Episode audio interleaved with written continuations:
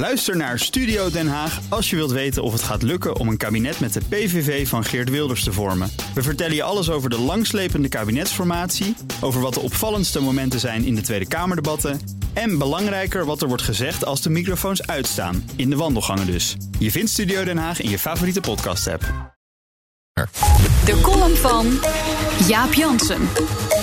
Ik kon mijn oren niet geloven toen mij vier jaar geleden werd ingefluisterd dat het Binnenhof in zo'n slechte staat verkeerde dat de brandweer van Den Haag dreigde over te gaan tot onmiddellijke sluiting.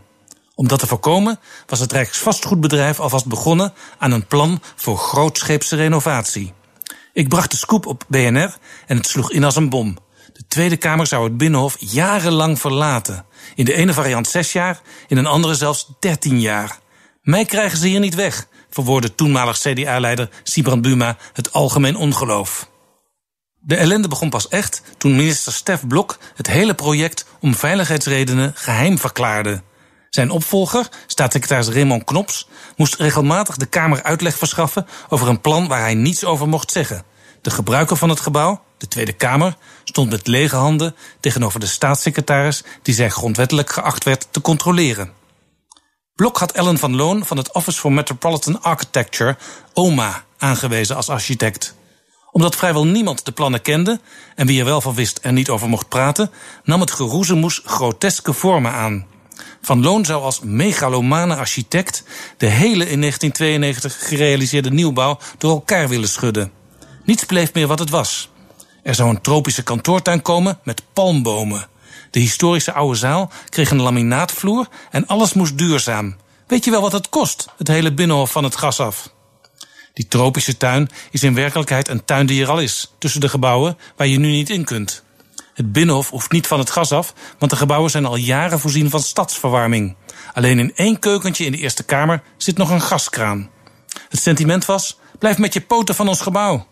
Er werden zelfs gesprekken gevoerd met de inmiddels bejaarde architect uit 1992, Piet de Bruin, die het uiteraard ook allemaal vreselijk vond wat hij hoorde. Omdat het Kamerpresidium en het Rijksvastgoedbedrijf vanwege de geheimhouding verstrikt waren geraakt in een dialoog van doven, werd Alexander Pechtold aangezocht om de boel vlot te trekken.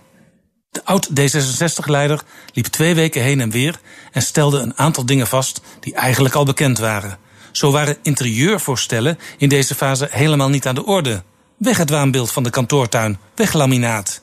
De plannen van de oorspronkelijke architect blijven gewoon de basis, met volledig respect voor de huidige huisvesting en werkwijze van de Tweede Kamer. Om alle misverstanden definitief uit de weg te ruimen, neemt Knops Pechtold advies over om de geheimhouding eraf te halen. De partijen zijn weer met elkaar in gesprek. Om zeker te zijn dat dit nu allemaal wel goed blijft gaan, blijft Pechtold voorlopig procesvoorzitter. Voor je het weet staat er weer ergens een palmboom op een laminaatvloer. Ja, de column van Jaap Jans op bnr.nl en in de BNR-app vind je meer columns en podcasts.